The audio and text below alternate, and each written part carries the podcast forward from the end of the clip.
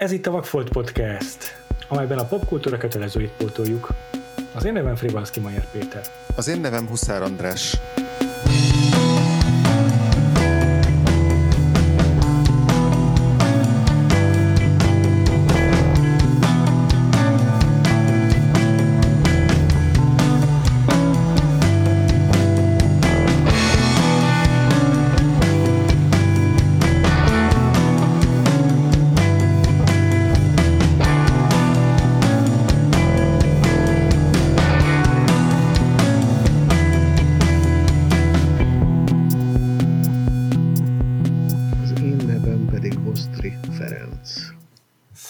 Köszönjük, hogy ismét elfogadtad a meghívásunkat. Nagyon-nagyon szívesen.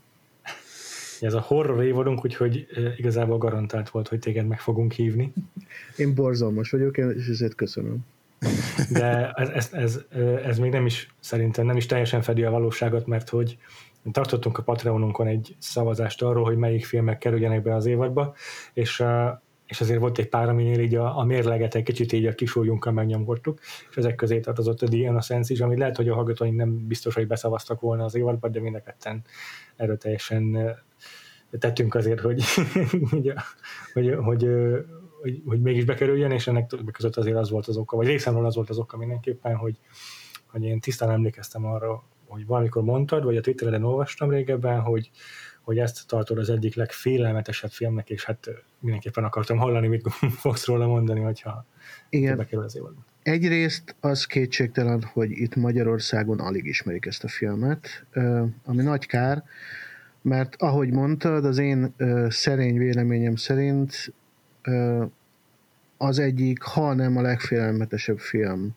hm. amit valaha csináltak. Szerintem a három legfélelmetesebb film, amit én láttam azok közül, az az Innocence, a, az 1992-es BBC produkció, a Ghostwatch, hm. és uh, a szintén brit TV produkció, a Woman in White, a, nem, bocsánat, a Woman in Blacknek az 1989-es feldolgozása.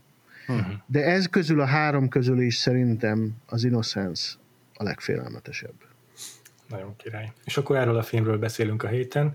1961-es film, Jack Clayton rendezésében, Deborah Carr főszereplésével, akinek már egy egész blokkot szenteltünk annak idején a színészes évadunkban, és ebben ez ugyancsak Feri volt a vendégünk emlékeim szerint. Uh-huh. Az volt a... E, a Black Narcissus, ha jól emlékszem. Köszönöm. Igen, a Black Narcissus. Így van. Hát most uh, visszatérünk el a színésznőhöz, de egész más műfajban. Mm, és az első kérdésem az az, ugye múlt héten így felvezettük a horror évadot egy picit, meg a horrorfilm és a horror zsánert, kicsit körbe járkáltok Andrással, így hát kezdőként, illetve laikusként, hiszen egyikünk se kifejezett horrorrajongó. Szóval az első kérdésem az az lesz, hogy múlt héten beszélgettük, hogy, hogy na, vajon mikor lesz az első olyan film, amitől majd így effektíve tényleg megijedünk.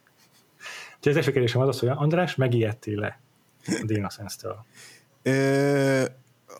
Nem biztos, hogy megijedtem, de hogy végig nagyon nyugtalan voltam, és ahogy haladt előre a film, úgy egyre, egyre nyugtalanabb lettem, és egyre, tehát inkább ez a, ez a, ez a creep, creeping, creeping menace, hogy jó magyar kifejezéssel éljek, az, az lett így úrá rajtam, és, és azért volt jó néhány felvétel, meg jó néhány kép a, a, a filmbe, ami így ami így, így, így rendesen így, így belém, belém, belém görcsölt, tehát hogy így nekem kifejezetten tetszett ebbe a filmbe, hogy nem, nem, nem az ilyen olcsó jumpscare-ekkel dolgozott, hanem, hanem, hanem hagyta kitartani azokat az igazán ijesztő, vagy igazán félelmetes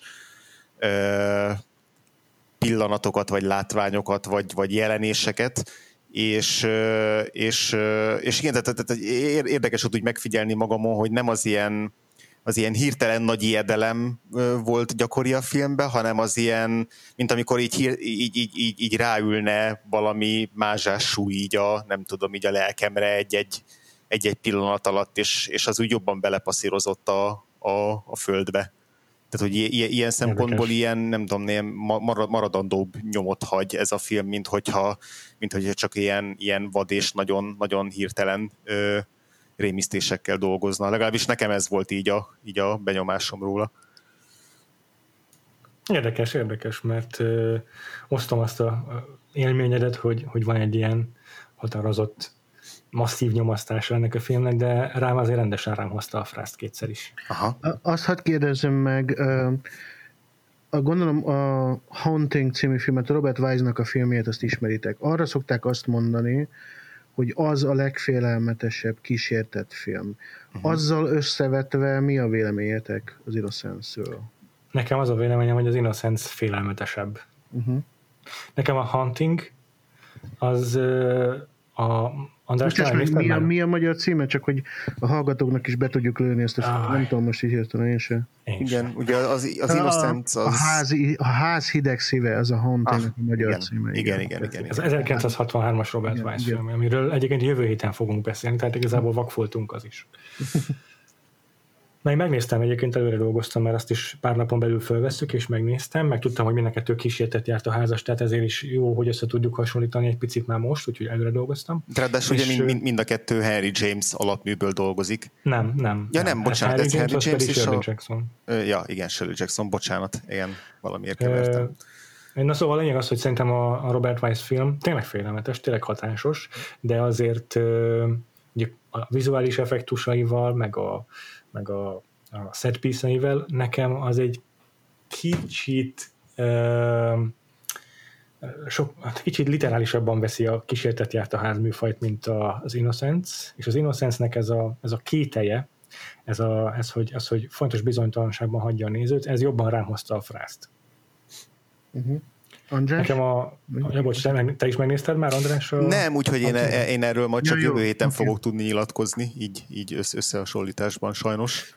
És egyébként annyira, mert jó, tudom, hogy a, neked az Innocence az top 3, Feri, de azért mm. a, a Huntingról is mondj egy rövid véleményt. Egyet értek veled, a Hunting vizu, audiovizuális szempontból sokkal harsányabb, meg tartalmi szempontból is harsányabb, mint az Innocence, és pont ezért emiatt kevésbé hatásos nálam is. Értettem. Van egy-két pillanata, ami nagyon üt, de de nem csak azért, nem csak azért, mert nincs szinte semmi ambivalencia benne, nem azért nem annyira félelmetes, hanem mert bizonyos dolgokat annyira az ember képébe tol, hogy, hogy megkerülhetetlenek, és, és ja. És itt nem ambi, ambivalencia hiányáról beszélek, hanem egész egyszerűen az, hogy a hanghatások, a dübörgő hanghatások, amik nyilvánvalóak, és, és hm. egyszerűen szétveti a dobhátjádat, meg hasonlók. Hm. Igen, meg Robert Weiss-nak az egész, tehát a kamerakezelése minden sokkal látványosabb, flashy. Robert, igen, Robert Weiss az nem egy visszafogott rendező, sose volt az, ő egy nagyon jó munkás ember rendező, és és mondom, működik ez a film, nagyon jó kis film az, csak, csak nincs az Innocence-nek a Jack Clayton, Freddie Francis koprodukciónak nincs a szintjén. Jack Clayton rendező és Freddie Francis operatőr, akinek azt hiszem ez egy ilyen viszonylag korai munkája még. Ö, igen, ö, ő ugye főleg a Hammernek dolgozott, nem csak a Hammernek, hanem másik kisebb cégeknek, mint rendező is. Igen. Na most az az igaz, Freddie Francis egy szenzáció, zseniális operatőr volt, hm. de mint mint rendező szinte mindig középszer volt, ami nagyon érdekes, hogy a filmjei, ha ő volt a rendező, ő a rendező székben, uh, vizuálisan kellemesek voltak, de nem voltak uh, álkapocsakasztóak, rendezői szempontból pedig kimondottan középszerűek voltak. Viszont ha csak operatőrként dolgozott, akkor mindig. Akkor a világ legjobbja volt talán akkor. Igen, többek között olyan filmeken dolgozott, mint a, mint a David Lynch-el az Elefántember, Igen. illetve később a Dűném meg a, meg a Stray story is, az volt az utolsó filmje, és, és például ott volt még a, a Martin Scorsese féle rettegés foka, ami így operatőri munkában szintén egészen elképesztően ilyen Grand Guignol topzódás igen, egyszerűen Freddy Francis nem tudott két dologra koncentrálni igazából. Tehát, a, hogyha csak arra kellett figyelni, hogy milyen a képű világ, akkor senki nem ért a nyomába. Hm. Én így nagyon kíváncsi vagyok egyébként arra, hogy, hogy téged mi tud igazán Feri, megijeszteni, vagy megfélemlíteni egy horrorfilmben, mert hogy azért minden horrornak kérdés. rengeteg Pont... olyan eleme van, ami így Pont ezen emberre. gondolkoztam 5 perccel ezelőtt, csak teljesen kiment a fejemből, miközben beszéltek. Az ugye a, az évad során majd sorra kerül például a texasi láncfűrészes, láncfűrészes mészárlás, amit én nagyon szeretek filmet, de például az abszolút nem tud engem megijeszteni. A modern horrorok nagyon sokat szeretek, de nem tudnak megijeszteni, és ezt nem tudom igazán, hogy miért van, viszont ezek a kísértett filmek, amikor nagyon jók, akkor simán be tudok tojni tőlük. A Texas az, az egy az egy úttörő film, az egy hihetetlen hangulattal rendelkező, fantasztikus operatőri munkával rendelkező, sok, rengeteg határt áttörő film, de hogy félelmet, számomra soha az életben még még mikor gyerekkoromban láttam, akkor sem volt félelmetes. Aha. Akkor konkr- konkrétan a, a kísértett film, hogyha tényleg az ilyen magas színvonalon készül el, mint, a, mint a, az Innocence, akkor az, az valamiért pont így tud jobban hatni rád, mint mondjuk egy ilyen slasher jellegű film? Igen, igen. Én mondom, azokat is nagyon szeretem, uh-huh. csak másokból, azokat tényleg olyanok, mint a, mint a rágógumi. Talán az egyet uh, ilyen uh, mentális rágógumi nekem uh, nagyon kellemes ízű, csak, csak elhasználódik elég gyorsan. Talán az egyetlen egy modern horrorfilm, amit uh, még uh, mikor gyerekkoromban, tínédzserkoromban láttam, és szerintem máig is működik nálam, az a, a Rémálom az elmúlt szában első része. Az Wes Craven ott nagyon, nagyon ügyesen kavarja dolgokat, és, és az a film meg tudott ijeszteni, de például van a Reanimátor, ami az én abszolút, az, a több top 10-es listámban mindig benne van, azt jobban szeretem, mint az elmúltszában, mégis sosem volt számomra félelmetes például. De viszont ezek a kísérletfilmek, most mielőtt ezt a, a podcastot felvettük volna, újra néztem az Innocence-et, közvetlenül a podcast felvétel előtt, előtt néztem újra, és van benne két jelenet, amit a mai napig a vér megfagy ben, bennem tőlük. Szóval uh-huh. ennyire működik. Működnek. Uh-huh. Ez biztos, hogy eh, ugyanarról a két jelenetről beszélünk, és erről biztos, hogy vissza fogunk még térni, de ezzel kapcsolatban nekem az a kérdésem, hogy volt-e már nálunk beszélni West Endről, meg uh, rengeteg más műfai filmről, viszont tudjuk, hogy azért a horror neked a szíved csücske, és az a kérdésem, hogy ha, ha nem az ijesztés miatt, akkor akkor mi az, ami nálad a horror, tehát mi az, ami ezt a vonzalmat okozza a horror iránt? Ezt erről tudsz beszélni nekünk? Ö, nem tudom, ö, valószínűleg a személyiségemnek ez egy hibája, és a hibát most abszolút macska körömbe teszem. Ö, nem tudom, gyerekkoromban is már imádtam, tehát talán 9-10 évesen anyám még tudta nélkül néztem horrorfilmeket, és, és ez, az, ez a műfaj az, ami, ami hozzám szól a mai napig, és, és nem tudok lekopni róla.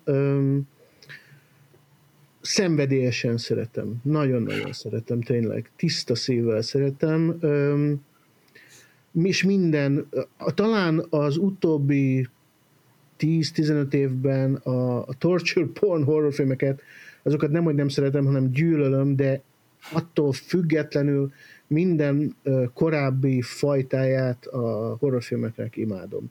Nem tudom neked megválaszolni konkrétan, hogy miért. Uh-huh. Uh-huh. Van érdekes. Tehát ilyen, ilyen fűrész, meg ezeket a francia new wave, extreme horrorokat, ezeket nagyon nem szeretem. Ahol a szadizmusra, ahol a kiszolgáltatottságra, ahol a megalázásra, ahol a, ahol a lealázásra megy rá a film, és ezek az utóbbi 15 év filmjei, azt nem szeretem. De egyébként minden korábbit. Hm. Ja, ez, ez, ez, ez, ez nekem is furcsa, hogy tényleg van egy, van, egy, van egy jó pár olyan horrorfilm, amit úgy nézek, meg úgy néztem meg többször, hogy nem ijeszt, meg nem rettegek tőle igazából, mégis tökéletesen működik számomra, és tökéletesen nagyszerűnek tartom mindenek ellenére. Nem, nem elvárás végül is, hogy halára rémüljek egy horrorfilmtől. Igen, mert, mert hogy azért, mert, mert hogy azért szerintem ez, ez így a nem tudom, tágabb közbeszédben nagyon gyakran elő szokott fordulni, hogy na, ha egy horrorfilm nem is ijesztő, akkor az már nem is jó. Tehát, hogy van egy ilyen nagyon a reduktív... Is, a fordít, fordítottja is megesik, hogy ha bezartam tőle, akkor biztos nagyon jó. Igen, tehát, hogy van egy ilyen nagyon reduktív értelmezése a, annak, hogy egy mitől tud működni egy horrorfilm. Igen. És azért, Ö, igen, mondjad. Számomra az, az kétségtelen, hogy az olyan horrorfilm igazán maradon, abba tudok igazán beleszeretni, ahol nem csak, nem csak, hogy talán van egy másik olvasata is, hanem azért van valami lehető legkevésbé próbálok most snob lenni, tehát van valami mondani valója is. Tehát uh-huh. egy, egy, egy sima slasher ahol tényleg semmiről másról nincs szó, hogy csak gyilkolás, tínédzserek legyilkolásáról, meg hasonló, azt, hogy háttérnek jó, ha az ember betesz, és akkor az, hogy lemegy. De azt sem szeretni nem fogom, sem emlékezni nem fogok rá. De mondjuk egy te, például egy, újra csak egy Texas Chainsaw Massacre-nél már ott vannak különböző motiv, mondani valók, vannak szintek, ami, ahogy, amelyeken keresztül meg lehet közelíteni a film lényegét. Az, az a film, az, az tényleg megmarad az ember agyában. Hm. Igen, erről egy picit beszéltünk a múlt héten, amikor így átfogóan beszélgetünk a horrorról Andrással, hogy hogy a horrornak azért mindenképpen van egy ilyen szerepe, hogy sok esetben reflektál egy társadalmi állapotra valamilyen, valamilyen metafora gyanánt, mint a, ahogyan a science fictionben is, a jó science fictionre ezt szoktuk mondani. Itt azért a, az Innocence esetén, meg a, a Haunting esetén nem kifejezetten erről van szó, de mindenképpen igaz az, hogy van egy másik olvasata, és én is pont erre jutottam, amikor a, ezzel a két filmmel végeztem így viszonylag közel egymás után, hogy, hogy jár rajtuk az agyam folyamatosan, és és, és elgondolkodtat a két olvasatuk, és, és, és, és elmélyedek bennük, meg a karakterekben, így próbálom őket utólag is megfejteni, meg összerakni a róluk megállapított morzsák alapján a, a, az ő személyiségüket, és, és hogy ez, ez nyújtja számomra, számomra azt az élményt, amitől ezek a horrorok fognak maradandóak lenni az emlékezetemben, és nem azok a horrorok, amiktől effektíve tényleg beszartam, mert ijesztőek voltak. Jó, az innocence is beszartam, mert ijesztő volt, de, de tudod, azokra gondolok, ami nem tudom, a, a, tényleg volt egy pár olyan horror az elmúlt pár évben, mint a, a ami így megijesztett, most a, az egyik ilyen példa az első Paranormal Activity, vagy legutóbb ez a Host című film, ami ilyen tévéképernyős horror, vagy monitoros horror, és vannak bennük ijesztő jelenetek, de másnapra elfelejtem a komplet filmet. A horror egész egyszerűen a legjobb műfaj. E, azért, mert, ha mondhatok ilyet, egészen egyszerűen azért, mert viszonylag kevés pénzből tud transformatív uh, élményt nyújtani. Ja. Aha. Azért, mert radikális. Hm. Vagy formában, vagy tartalomban. Az a jó horrorfilm. Igen, itt a, a, az innocence például a, a, szerintem beszéltünk egy kicsit erről a radikalizmusról, mert, mert még mai, tehát ilyen 60 évvel későbbi szemmel is, is abszolút nagyon radikális és friss és, és váratlan rengeteg képi megoldása, és hogy amikor így olvasgattam a film megtekintése után egy picit így, így próbáltam így kontextusba helyezni, akkor ott, ott írták, hogy a, a Jack Layton maga is dolgozott ilyen Hammer horrorokon, és hogy ez a film a, a Hammer horroroknak a, a képi esztétikájához képest is mutatott újat, hogy erről tudsz egy picit beszélni, Feri, hogy ez így 1961-ben a, a brit horrorfilm gyártásban mennyire hozott mondjuk formailag új, újat, vagy mennyire volt tényleg radikális? Hát azt nem, nem tudom, hogy radikális, de elegánsabb valamivel, Aha. mint a Hammer horrorok. At, attól függetlenül, hogy a Hammer horrorok a maguk gótikus vizualitásával, nem, nem csak gótikus, hanem szinte minden egymásba dobó, stílust egymásba dobó, de főleg gótikus vizualitásával nagyon-nagyon szépek voltak. Uh-huh. A Technicolor, Eastman Color, meg hasonló fényképezés, az ugye hát a Fred, Freddy Francis nekik is dolgozott. Uh-huh. Azért nagyon ott volt a toppon, de, de az biztos, hogy az Innocence az jóval elegánsabb és lassabb film, mint a Hammer horrorok, mert van egy művészi um, igénye a filmnek, ami ami a Hammer horrorokban ott volt ugyan, de talán nem tudatosan. Tehát a Hammer Horror az mindenképpen egy produktum volt, imádom a Hammer Horrorokat, csak teszem hozzá. Uh-huh. Mindenképpen egy produktum volt, voltak azok a filmek, de az Innocence az, az ö, több ambícióval készült, mint általában a Hammer Horrorok. Vizuális szinten is. A, a brit horror egyébként ugye a háború alatt be volt tiltva Britanniában mindenféle horrorfilm, a, a Dead of Night 45-ben megtörte ezt az egészet, az egy ilyen úgynevezett portmanteau film, tehát három rövid sztoriból álló Igen. horrorfilm. Ö, aztán a Hammer elkezdett, a Hammer és kis cégek elkezdtek a háború után éledezni. Az első igazán nagy filmje a Hammernek, amivel nagyon nagyot dobott, az 57-ből a Curse of Frankenstein, uh-huh. ami um, egy teljesen újraértelmezi mozi szempontból, filmes szempontból újraértelmezi a Frankenstein mitoszt, ugyanis addig a teljesen a hollywoodi Frankenstein mitosz uralkodott a mozikban, a hollywoodi Frankenstein szörny uralkodott a mozikban, annak a kinézete, annak az attitűdje. A Hammer viszont 57-ben a Curse of frankenstein elhoz egy, egy durva, egy véres, főleg, hogy színes a film, és az, az Eastman Colorban a vér az valami gyönyörű, hm. és egy véres, durva, mai szemmel persze nem, de akkori szemmel nézve véres, durva Frankenstein sztorit, ami nagyon-nagyon megsokkolta a nézőket. Ha jól emlékszem, még a Scorsese is, aki óriási Hammer rajongó, többször megemlékezett arról, hogy milyen hatást tettek rá ezek a korai Hammer filmek, pontosan a Technicolor brutalitásukkal. Na, érdekes. Eastman Color brutalitásukkal. Eastman Color, aha, aha. Úgyhogy ez Scorsese nagy rajongója, főleg a, a vörös színnek, szóval ugye, e, talán ez is innen eredezhethető, vagy ide is kapcsolódik ez a fajta e, obszessziója.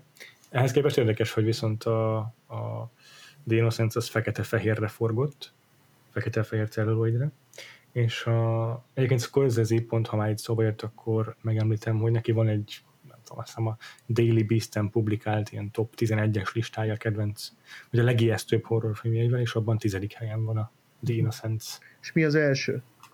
Hát azt hiszem, hogy a Haunting, igen, a Haunting, Haunting. pont amiről beszéltünk, a Robert Weiss féle. Hát figyelj, Robert Weissnak a harsánysága azért elég közel van a Scorsese-nek a rendezői stílusához. Igen, ez biztos, ez biztos, igen.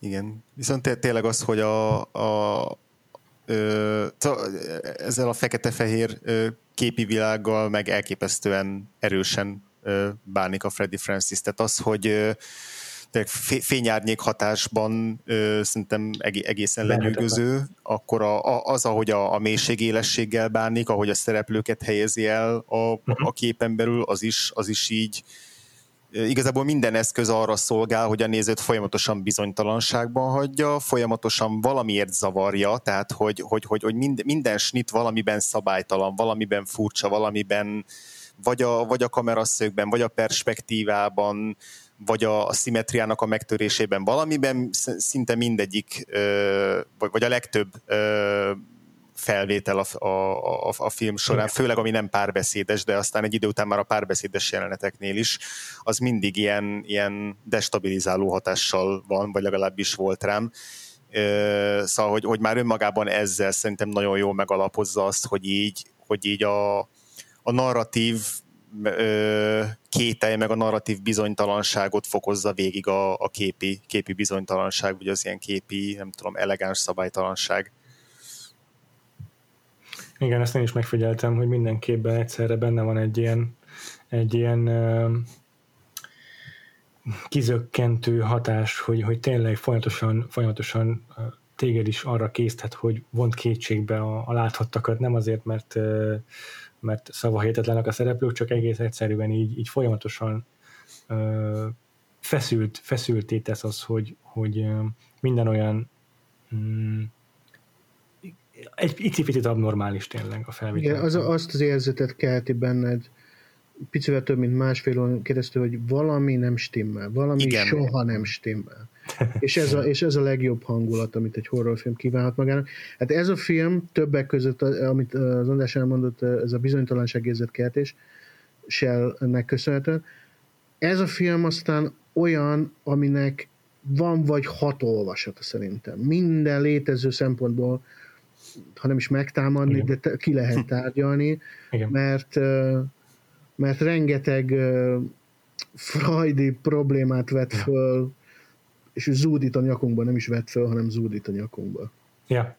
Jó, egy kicsit foglaljuk össze, hogy honnan is indul ez a film, és mi a története, hogy aztán belecsaphassunk abba, hogy mi is ez a hat olvasat, vagy hát milyen olvasatokat tudunk mi kibontani közülük. Igen, ugye azt e- e- e- említettük, hogy a Henry Jamesnek ez a magyar címén a Csavar fordul egyet című ö, művéből, 1898-as ö, művéből ered, de hogy alapvetően a, forgatókönyvet a már egy ilyen áttéten keresztül írták, mert a, egy William Archibald nevű fickó írt belőle egy színdarabot, és, és ezt részben ezt használták fel, és, és ez a William Archibald is írta meg az első forgatókönyvet, de de pont azért, mert hogy a Jack Layton végig így ambivalenciában akarta tartani, és egyensúlyban akarta tartani azt a, kül- a különféle olvasatokat, hogy így ne legyen teljesen egyértelmű, hogy most pontosan milyen történetet látunk, és az Archibald pont az egyik féle olvasatot ö, sokkal ö, markánsabban képviselte, és akkor ezért a Truman Capote-it kérték meg, hogy ő, ő, ő fusson egy kört a, a, a forgatókönyvben, és aztán azt hiszem, hogy olyan körülbelül 90%-a a végleges filmnek az a Truman Capote féle változat. Ő meg átlendült a másik irányba, a, a Friday szimbolizmus irányába, és, oh. akkor, és akkor így utána aztán még egy harmadik írót is bevontak, hogy így kicsit még jobban kibalanszírozzák azt, hogy ne legyen teljesen egyértelmű, hogy mi lesz a...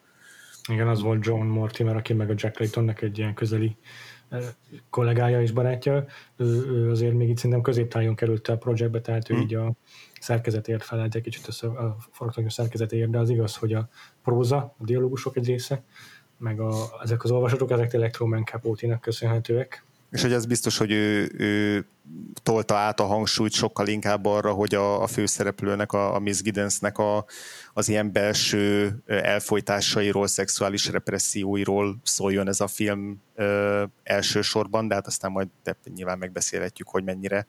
Egyébként itt a forgatókönyvvel kapcsolatban még azt kiemelném, hogy az operatőr, a Freddy hmm. Francis a saját életrajzi könyvében úgy fogalmaz, hogy igen, igen, jöttek ezek az írók, hogy elmondja, hogy mikor, melyik fázisban kicsoda, de meg Capote-val is együtt behozott korábban Jack Layton a Beat Devil-on tíz évvel korábban, és, és ezért is került ide. Viszont ahogy mondja, de egyébként Jacknek az ilyen szokásos alapossága és professzionalizmusa lényegében gondoskodott arról, hogy hogy addig masszírozta a forgatókönyvet, még igazából ez Jack Claytonnak az Innocence lett. Tehát, hmm. hogy mégiscsak az ő saját képére formálódott a végére, sok írón keresztül.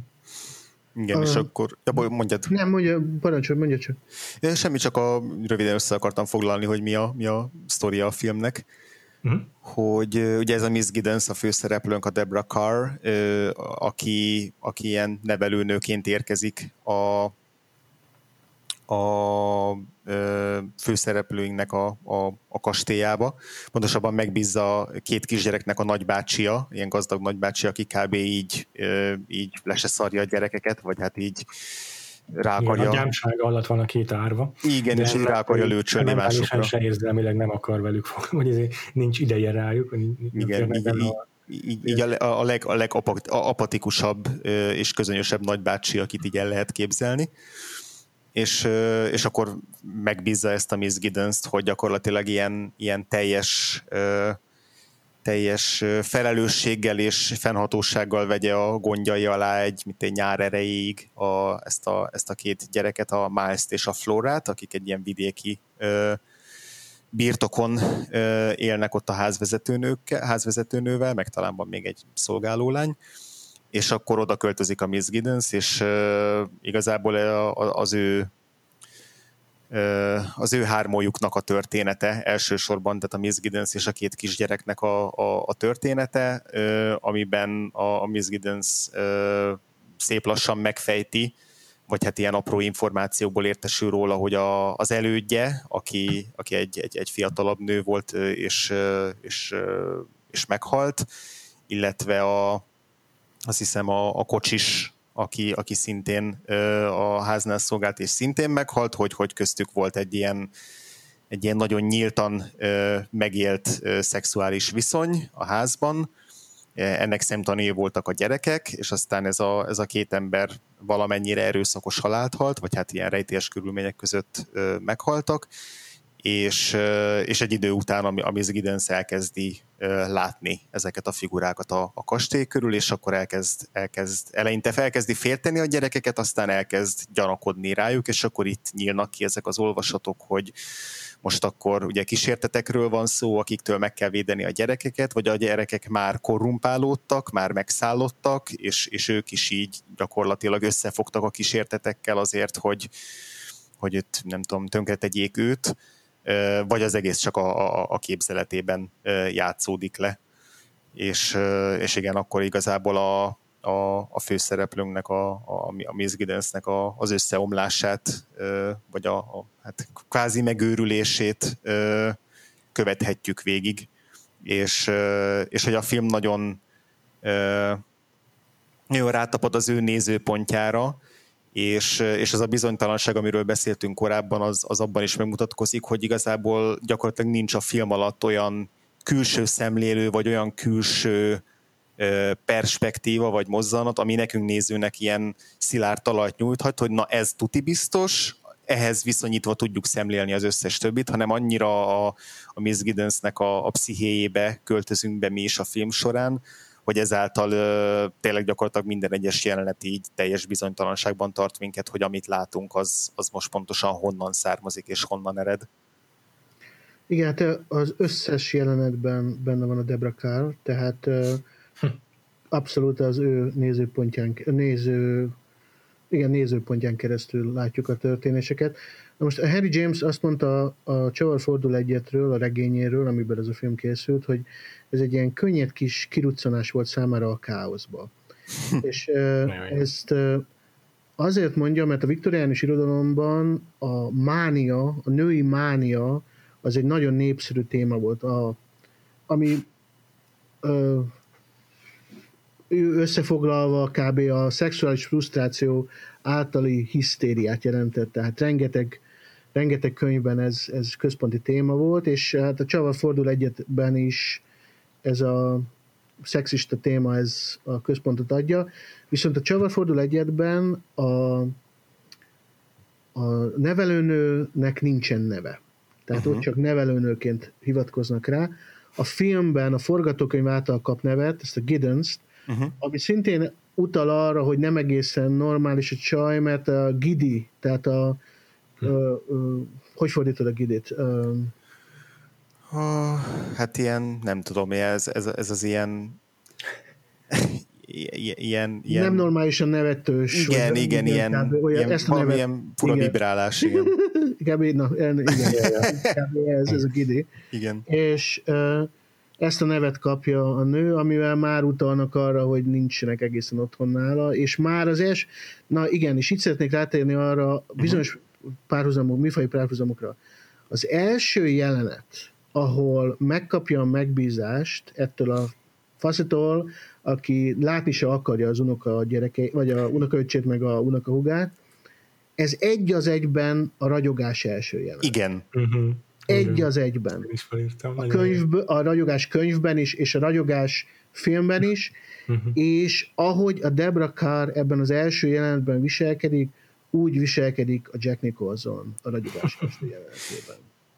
Igen, Már ez... látszik rajta, hogy nem normális. Igen, és ezt a, a, a, a ragyogás film kapcsán szerintem sokan kritikaként szokták említeni, hogy, hogy, hogy akinek nem működik a film, annak többek között azért sem működik, vagy részben azért sem működik, mert ugye Jack Nicholson már, a, már az első jelenetben is teljesen zakkant, és aztán az csak még izé, négyzetre vagy köbre tudja emelni a film során és hogy ebben a filmben meg nagyon jól működik az, hogy tényleg az első jelenettől látjuk a Debra Carron, hogy így valami nagyon nem stimmel benne, és valamitől sokkal neurotikusabb és paranoiásabb, és a, a reakciói, a, ez a kényszeredett mosolya, a tekintete, ahogy így, így, így rebben ide-oda, vagy vibrál, tehát hogy valami, valami belülről folyamatosan így, így, így gyötri és marcangolja, és, és hogy nem, nem arról van szó, hogy, hogy egy ilyen teljesen ö, kiegyensúlyozott lelkiállapotú valaki bekerül egy ilyen kaotikus helyre, ahol, a, ahol, ahol megbomlik az elméje, hanem hogy valami már kapásból nem stimmel vele. Igen. Ez ö... odáig megy a script, hogy a, a nyitó képsorok alatt, amikor még csak a főcímet látjuk, akkor látjuk Debra Cart így imába ö, szorított kezekkel, amik remegnek, és aztán el is hangzik a szájából. Ugye halljuk a madár csicsergést, ami a film végén fog elhangzani, igazából ez egy flash forward, és azt is mondja, hogy I, all I wanted to do was save the children, not destroy them. Ez ott a film legelején elmondja. Igen, a, ugye több rejtvény van a filmben, az egyik, hogy valóban megtörténik-e az, amit a nevelőnő lát, a másik pedig, hogy ha nem történik meg, akkor ez a nő mennyire nem normális. Tehát, uh-huh. mert hogy a mélysége a, neurozi, a neurotikusságának, yeah. ugyanis már ott az elején mondja a házvezetőnőnek, miután beköltözött, hogy ugye őt elküldték az előző állásából, mert túlságosan lelkes volt, talán nem ezt mondja szó szerint, de valami ilyesmi. És az, hogy mi, a, mi ennek a nő, mi a, ennek a nőnek a neurózisának a lényege. Tehát mi az igazi pszichopatológiája. Igen. Mert, mert bizony van még egy olyan olvasat, és én hajlok arra, hogy ez tényleg így van, hogy van egy pedofil olvasata is ennek az egésznek, és, és ez nagyon er-, erősen benne van ebben a filmben szerintem. Benne van, én nem konkrétan pedofil olvasatot értelmeztem benne, hanem hú, most ebben nagyon bele kell mennem, hogy elmagyarázzam, de az a véleményem, hogy a, hogy a Debra, ugye Innocence a film címe, és szerintem ő is ártatlan. Tehát az ő ilyen naiv ártatlansága is a film témájának vagy tézisének a része. Ugye van egy párbeszéd a két gyerek meg ő közötte, ahol kikérdezik, hogy hol nőtt fel, és voltak-e titkai. És akkor itt a gyerekek ilyen jelentősíteni és pillantásokat vetnek egymásra, mert ők a, tehát a saját nagy, hatalmas kúriájukban, ahol ők nőnek fölött, aztán ott topzornak az emberek a titkokban ha csak az előző két meghalt szolgálóra gondolunk.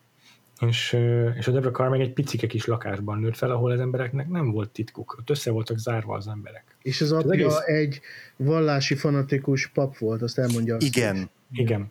Igen. Na és nekem majd az áll össze, hogy, hogy rengeteg a repressziója ennek a nőnek, valójában sosem volt igazán magánszférája, tehát hogy sosem volt igazán szerelmi élete, sosem tudott igazán egyedül lenni, sosem tudott igazán távol elkerülni a szüleitől, és ő lelkileg még mindig egyfajta gyerek, vagy ezt a gyerekséget éli meg, és ezt próbálja védelmezni. Ugye erről szólnál a folyton az, hogy gyakorlatilag ismételgeti a filmben, hogy ő csak meg akarja védeni a gyerekeket, meg, meg, meg, meg akarja őket menteni, és saját ilyen gyermeki ártatlanságát próbálja megőrizni rajtuk keresztül szerintem, és az, hogy a miles van egy ilyen szorosabb kapcsolata, azt szerintem ide vezethető vissza ez, ez annyira decens próbál lenni az összes felnőtt ebben a filmben, pedig a normalitásnak a, a jégburka, ami ezen az egész horroron, ami a burok alatt van, ez, ez hajszálvékony. Hm. És ami alatta van, az, az borzalmasan sötét dolog. Igen. Ugye, mert egyrészt lát, bele lehet látni ebbe a filmbe, hogy ez a nő esetleg szexuális érzelmek, szexuális vonzalmat táplál a kisfiú iránt. Igen. Hogyha ez nem igaz, akkor viszont, és hogyha esetleg tényleg a szellemek, akik itt kísértenek, állítólag az ő elmondása szerint képesek beleszállni a két gyerekbe, és csak rajtuk ki, keresztül kommunikálni, akkor ez a két gyerekkel mit tesznek? Tudod, mit hm. lát, meg mit látott a két gyerek, amikor ja. még ez a két ember élt, akik ja. nagyon kellemes ilyen kis szadomazoista kapcsolatban voltak egymással uh-huh. felnőttként. Szóval egy nagyon-nagyon sötét, uh-huh. se, semmiféle kimondott választ nem kapunk, de nagyon-nagyon sötét kérdéseket vet föl folyamatosan több mint másfél órán keresztül ez az egész film. És, és az a zseniális, hogy igazából bármelyik verzió mellett kötünk ki, mindegyik más-más módon, de ugyanolyan borzongató és vérfagyasztó. Tehát, hogy pont a, ahogy most te is Feri felvázoltad ezt a, ezt a két opciót, mind a kettő ezért, ö, ugyanolyan horrorisztikus, csak ugye más, a, más az oka.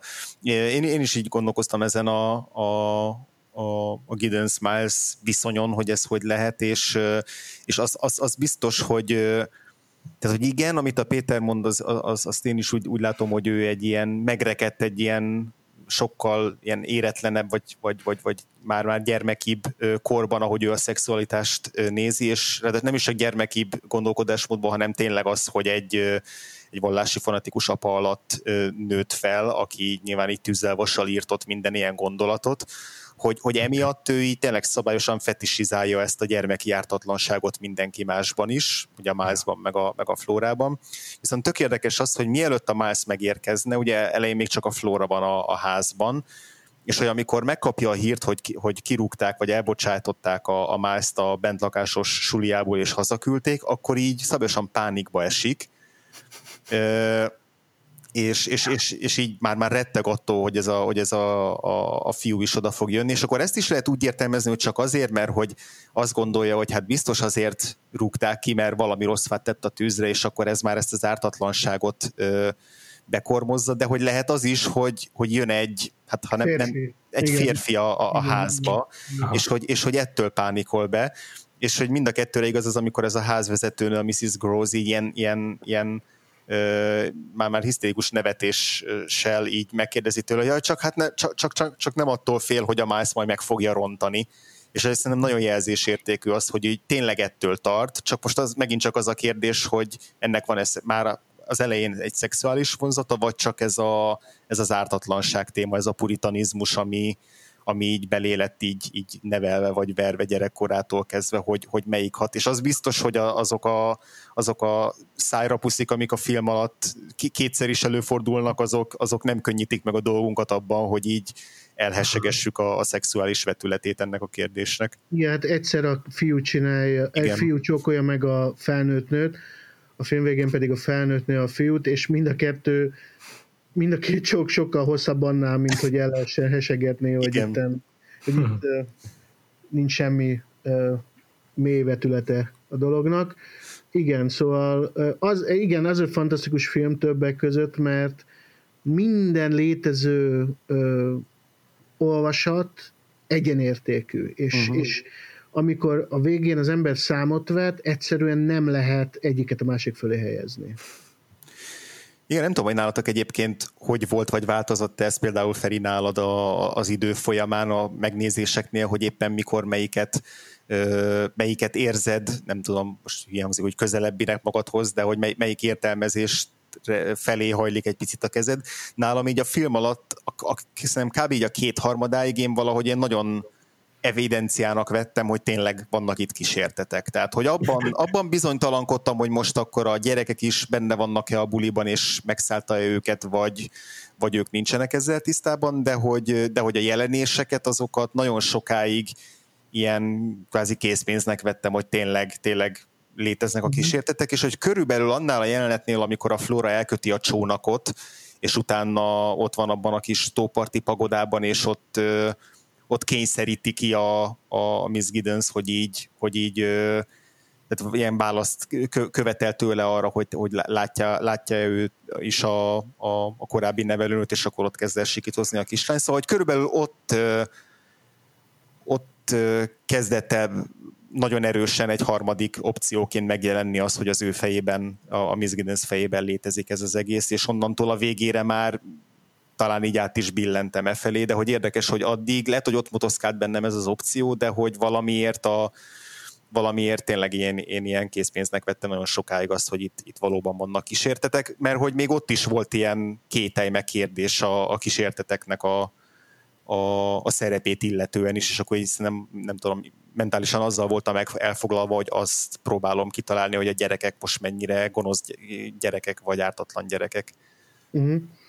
Megmondom őszintén, nekem a fináléban szinte percről percre változik a véleményem, uh-huh. és amikor vége volt a filmnek, most az újranézés alkalmával, ahogy mondtam, egyszerűen nem tudtam dönteni. Uh-huh. Ezért ennyire jó a film, uh-huh. nem tudtam dönteni. A Capote mondta azt, hogy azt nagyon bánja, hogy beleírta a filmbe azt a jelenetet, amikor a Miss Giddens ráakad a könyvtárban arra a, sí, a lány síró kísértetére, és a lány a, a könycsepp? a könycsepp. Azt hmm. nagyon sajnálja, hogy ez beleírta a jelenetet, mert ott fizikai nyoma marad Igen. a kísérletnek, és azt nagyon nem szerette azt a jelenetet, de benne maradt a filmben. Hmm. Na most, hogyha mindenképpen döntenem kéne, akkor azt mondom, hogy nincsenek kísértetek a filmben, és ezt a, a fináléban, most spoilerezünk, nem tudom, mert csinálni, 61-es film, a fináléban a Miles elmondja, hogy azért küldték haza az iskolából, mert, mert szadista. Mert egy, egy kis szadista. És, és ahogyan viselkedik, ahogy a gyerekszínész egy, egyébként egy szenzációs gyerekszínész igazából szerintem. Fú, uh, nagyon. Igen, visszaadja azt a szöveget, ott el tudom neki hinni, hogy senki nem tanította neki a szadizmust, hanem az a fejében van, az ő mm. benne van. Nekem ott az volt az olvasatom, hogy ezt a Quint-től, ettől a halott kocsistól ö, vette át ezt a... Hát ezt akarja Debra Carr belésújkolni, hogy ezt mondja ki. Ja, ez igaz, ez igaz, ez igaz. De hogy a saját, hogy neki legyen mindenképpen igaza, mert, hm. Mert ja, Miss Giddens nagyon egy önző nő, meg kell mondjam. Tehát és ugye, hogy igen, az a lényege. Az az egész filmnek a lényege, az az éretlenségének a lényege, hogy mindenképpen az kell, hogy neki legyen igaz a végén. Hm. És ugye itt többen hisz, hogy a gyerekek azok ártatlanok, és nem lehetne maguktól eredendően rossz indulatúak. Igen, igen, pontosan, pontosan. Igen. Nekem, nekem is megmaradt ez a könycseppes, ezt a Pauline Kélnek a rettentő hosszú és nagyon alapos kritikájában is feltűnt, hogy mennyire kiemelte. Ezt érdemes elolvasni, majd ha nem láttátok, nem olvasatok, akkor elküldöm nektek is. Pauline Kélnek nagyon tetszik, vagy legalábbis konkrétan kiemeli ezt a könycseppet, hogy azt mondja, tényleg nem tudhatjuk, hogy a jelenések azok, a, amiket a nevelőnő lát, azok, azok valami az ő monomániájának a, a, a megjelenései, vagy mi az okuk, vagy miért látjuk őket. Az egésznek épp ez, a, ez, benne a, ez benne az élvezet, hogy van egy ilyen teljesen szándékos misztifikáció. Viszont amikor megjelenik a könycsepp, akkor, akkor minden más meg lehet magyarázni azzal, hogy ez az elfolytott nevelőnőnek az őrülete manifestálja csupán, de az az egy könycsepp. Az, azt nem. Azt a, ahogy ő mondja, not that little wet tear, that little pearl of ambiguity. Mm-hmm. Ilyen szépen tud fogalmazni Pauline Kael. Én sem bánom, hogy benne volt ez a könycsepp, mm, de én is azon az állásponton vagyok, hogy ha választani kell, akkor az, a szellemek nem igaziak.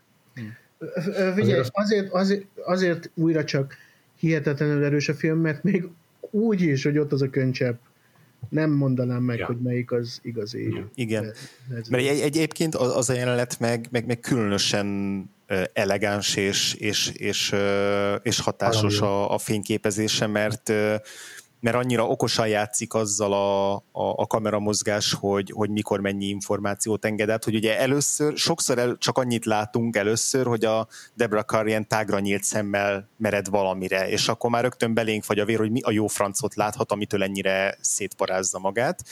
És akkor utána a kamera ugye befordul a, a tanári asztal felé, és akkor meglátjuk ott a, a, a, az előző nevelőnőnek a, a szellem alakját, majd utána visszafordul a kamera a Debra Carrhoz, és így nem tudom, ő, ő, ő még jobban, nem tudom, tehát, tehát, tehát hogy még, még fokozza a Debra Carr ezt, a, ezt az iszonyatot, és akkor azt hiszük, hogy na most már, ha visszamegy a kamera megint a, a Mistress akkor ott már, ott már a, már kifutunk majd a szobából, a, olyan ijesztő lesz, és akkor amikor elkezdi követni arra felé a kamera, amikor megindul oda a, a Miss Giddens, akkor, akkor amikor odaér az asztalhoz, akkor ugye már nincs ott igen. És akkor ez, e, ez meg azt okozza, hogy, hogy akkor rögtön megint csak elbizonytalanodunk, hogy jó, akkor, akkor tényleg ebből mennyi volt az igaz. És nem csak azért, hogy az egyik pillanatban nem volt ott, a másik pillanatban meg ott volt, hanem hogy a Debra Carr reakciói is az egyik pillanatban a kísértetre voltak, a másikra a semmire, és akkor most melyik az igazi, meg melyik az, ami, tehát, hogy akkor tényleg csak a fejében van valami, amitől ő ennyire halára válik, vagy, vagy a valóságban, szóval, hogy a kamera játék is folyamatosan ezzel mm. így, így szórakozik velünk, mm. vagy így bizonytalanít el ezen a jeleneten belül, tehát szerintem ez egy, ez egy nagyon, nagyon okos megoldás így ezzel. A vérnyomásod hullámvasúton kell.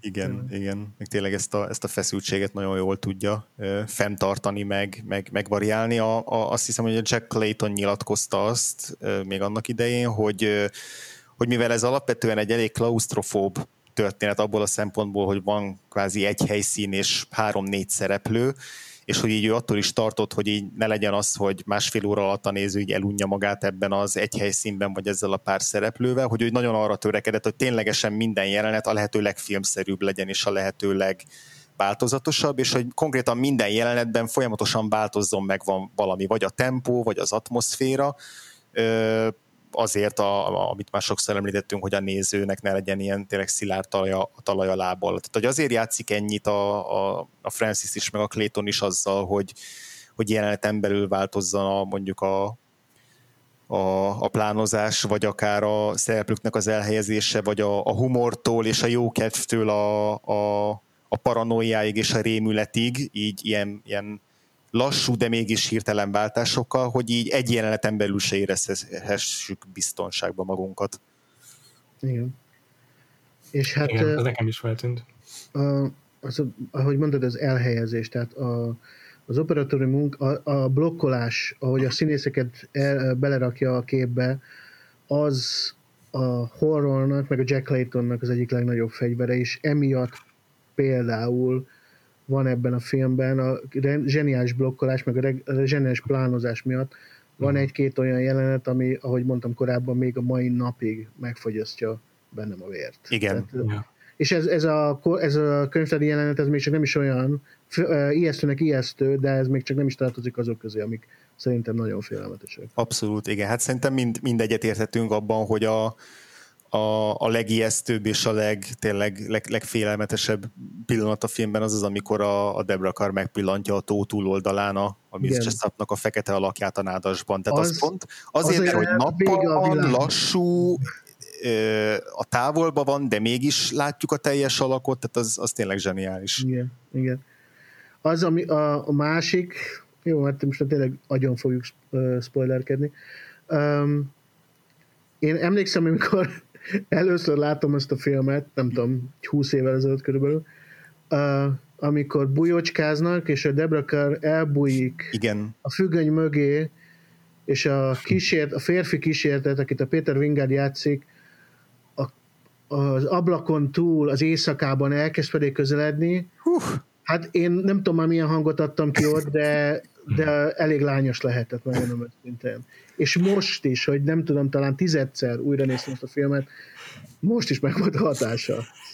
Nagyon, nagyon működik. De mondom, a tóparti jelenet, amikor a nádasban ott a, a nő kísértet, mozdulatlan, Igen. távoli, Távoli. távoli alakja, ahogy az előbb mondta, vége a világ, megáll minden. Igen. Fantasztikus. Fantasztikus. I- Nekem is.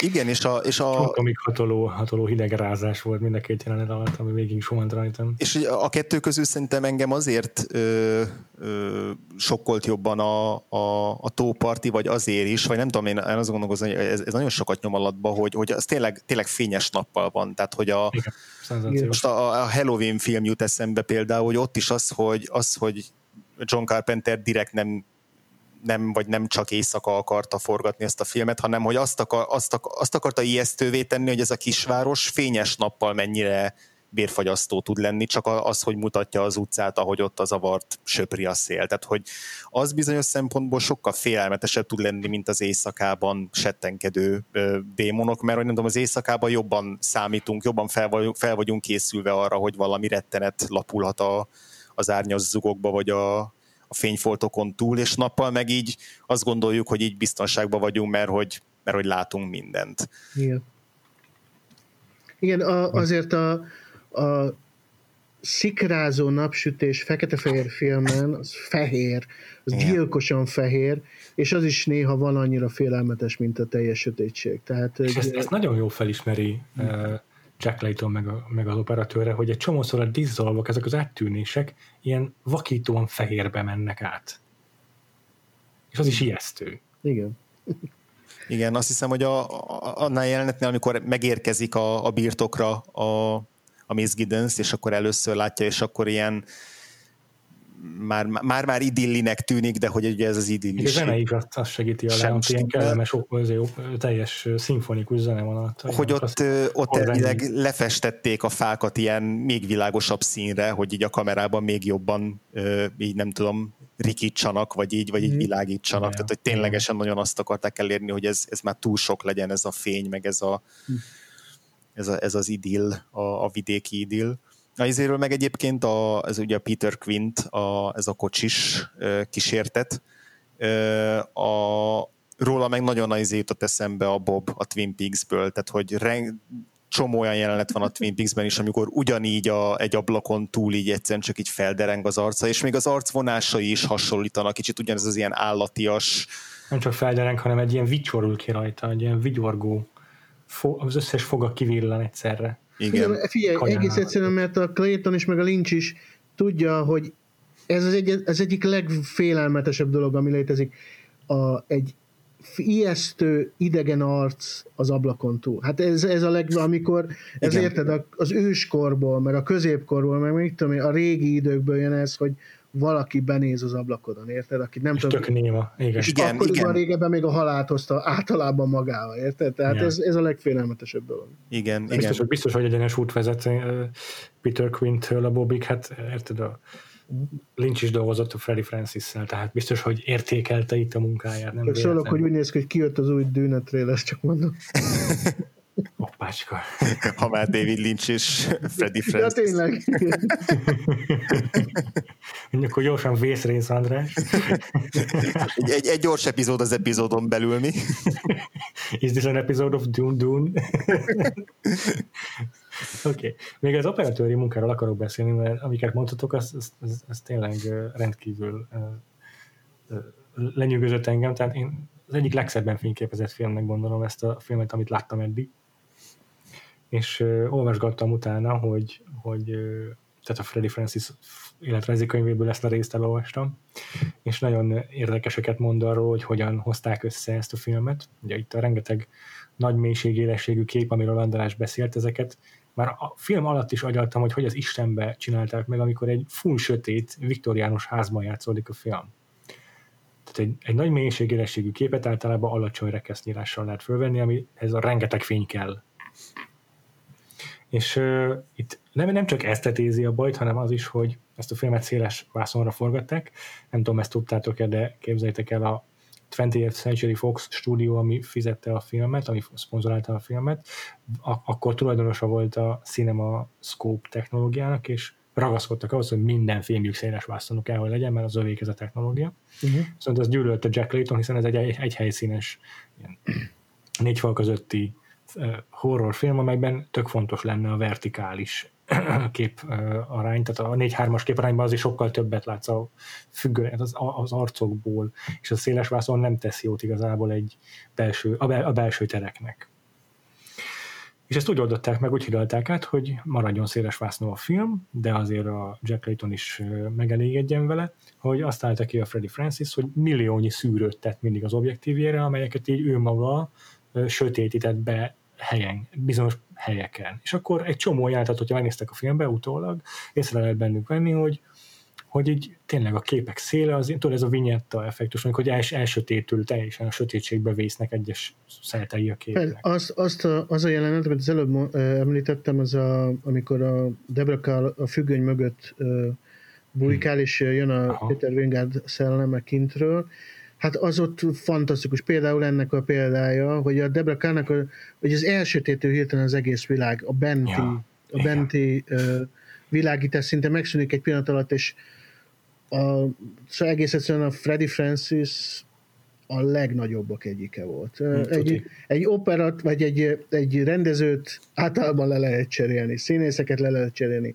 Hm. Egy operator sok, sokkal többet ér akármelyik másik stábtagnál. Ez az hm. én saját és véleményem.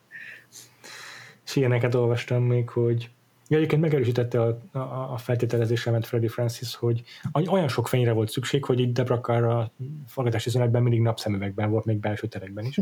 És a, amit még írt, amit, amit tetszett, hogy a, van ez a jelenet, amikor a szempont a bolyócskán, amikor Debrakar egy kandelábel, egy nem tudom, négy gyertyás ilyen gyertyatartóval sétafikál a házban. Ott itt trükközni kellett, és egy saját készítésű gyertyát kellett csinálni, amiben négy kanóc van, hogy elég fény bocsásson ki, mert annyira ott is a nagy mélységérességű objektívval vették fel, és, és, és, és nagyon kevés fényt tudott azt befogadni, szóval négyszer annyi fényre volt szükség, mint egy normál gyártyával. Ja, ja. Egyébként érdekes az, hogy ugye én, én most még nem láttam a, a, a Hauntingot, és hogy azt mondjátok, hogy ott, ott mennyire mennyire, mennyivel harsányabb. Direktebbek az ijesztések. Direktebbek az ijesztések, és hogy a, kiemeltétek mindeket a, a hanghatásokat is, hogy az Igen, mennyire... Bo- bocs, csak Igen. ahogy a különbséget érzékeltesem, hát van a Hauntingban egy olyan jelenet, olyan, mintha egy traktor menne egy ajtó mögött, és attól kell megijedni. Aha. Egy traktor menne neki a... egy ajtónak húszszor. Tehát Aha. Közelebb van szerintem a szellemi az effektusaihoz, mint az Innocence-hez. Dur, durva, de hogy, hogy, hogy, ott, hogy ott a hanghatásokat ennyire felcsavarták, vagy felsrófolták, mert hogy, mert hogy nekem az Innocence-be is nagyon feltűnt, hogy a hanghatások mennyire mennyire dominánsak, meg mennyire erősek, és hogy akkor ezek szerint a Huntingban ez ennek a, ennek a tízszerese, mert hogy, mert hogy ahogy halad előre a film, az Innocence szerintem piszok jó az, hogy a, ja hogy a hangsába hogyan keverik alá azokat a sugdolózásokat, nevetgéléseket, amikor mondjuk pont, a, amit most a, onnan jutott eszembe, hogy a, amikor Péter mondta, hogy így megy a gyert, gyertyatartóval a folyosókon, és akkor így az ártajtók mögül így kihallja pont a, a kocsiséknak így a múltbeli ö, üzekedéseit, Igen. meg, meg sikolyait, meg, meg lihegéseit, vagy, vagy akár a gyerekeknek a hangjait, és akkor máskor meg, amikor van egy jelenet, ahol a, így a kamera alulról veszi a két gyereket, ahogy ott állnak a, a, a nem tudom, a lépcsőnek a tetején, és akkor ott hangosan nevetnek rajta, akkor az így elborítja a, nem tudom, nem csak a, a Miss Giddensnek az elméjét, ez a, ez, a, ez a vihogás, megnevetés, hanem így a, a teljes hangsávot is, vagy amikor később a Flora sikoltozik, az így szinte elviselhetetlen, tehát hogy én pont azt figyeltem meg, hogy mennyire szokatlan így, a, vagy hát nem tudom, hogy mennyire szokatlan egy 60-as évek elejé filmtől, de hogy, de hogy az biztos, hogy felfigyeltem rá, hogy mennyire ö, kreatívan bánik a film ezekkel a, ezekkel a hangeffektekkel, meg hanghatásokkal. Hát így, például az egyik legfélelmetesebb betétet, az pont zene által érik el, nem uh-huh. is hanghatás, de zenei hatás. Ugye ez a Oh, Vélo Véli, ez, a, Igen. ez az altató, de ez a tipikusan angol száz hátborzongató altatóddal, az vérfogyasztó, szóval, és az állandóan visszajön a, a film során, és ami egy nagyon, szintén nagyon félelmetes jelenet számomra, nem csak félelmetes, szó szerint vérfogyasztó, uh-huh. az, amikor a Miles verset mond. Igen. Uh, Úristen. És az egy szeánsz igazából, gyertyafény mellett verset mond, és ar, újra csak ez a film a felszín alatt rendkívül pervers. És megidézi úgymond a halott kocsisnak a kísértetét, és úgy ja. hívja őt, hogy uram, mesterem, My és gyere be, gyere be a házba, és húzd a sír mocskát magad után. Tehát nagyon-nagyon sötét ez a film. Sötétebb, mint a Haunting, és félelmetesebb, és szerintem minden szempontból jobb. De és a pszichológiai horror része is sokkal jobban működik számomra. Igen, igen. Igen, igen. Én azt egyébként imádom, hogy, hogy rögtön a film ezzel a dallal nyit. És ez megint, megint egy olyan olyasmi, amit nem tudom, így modernebb filmek, bármint hogy ilyen, mit én, 20. század végi vagy 21. századi filmek már jóval gyakrabban használnak, hogy a, a logó alatt már nem a logóhoz társuló uh, stúdiózenét halljuk, Igen, úristen, tényleg. hanem hogy, hogy még, még amikor megjelenik a, a 20th Century Fox logója, már akkor ezt a, ez a dalocska szólal meg, és utána csak így elősejlik a, az összetett keze a Miss Giddensnek, az már nálam rögtön így, tehát az első másodperctől imádtam ezt a filmet, mert a már ott így... A elegancia, amiben a filmben van az elképesztő. Igen. És ez is odavaló. Igen.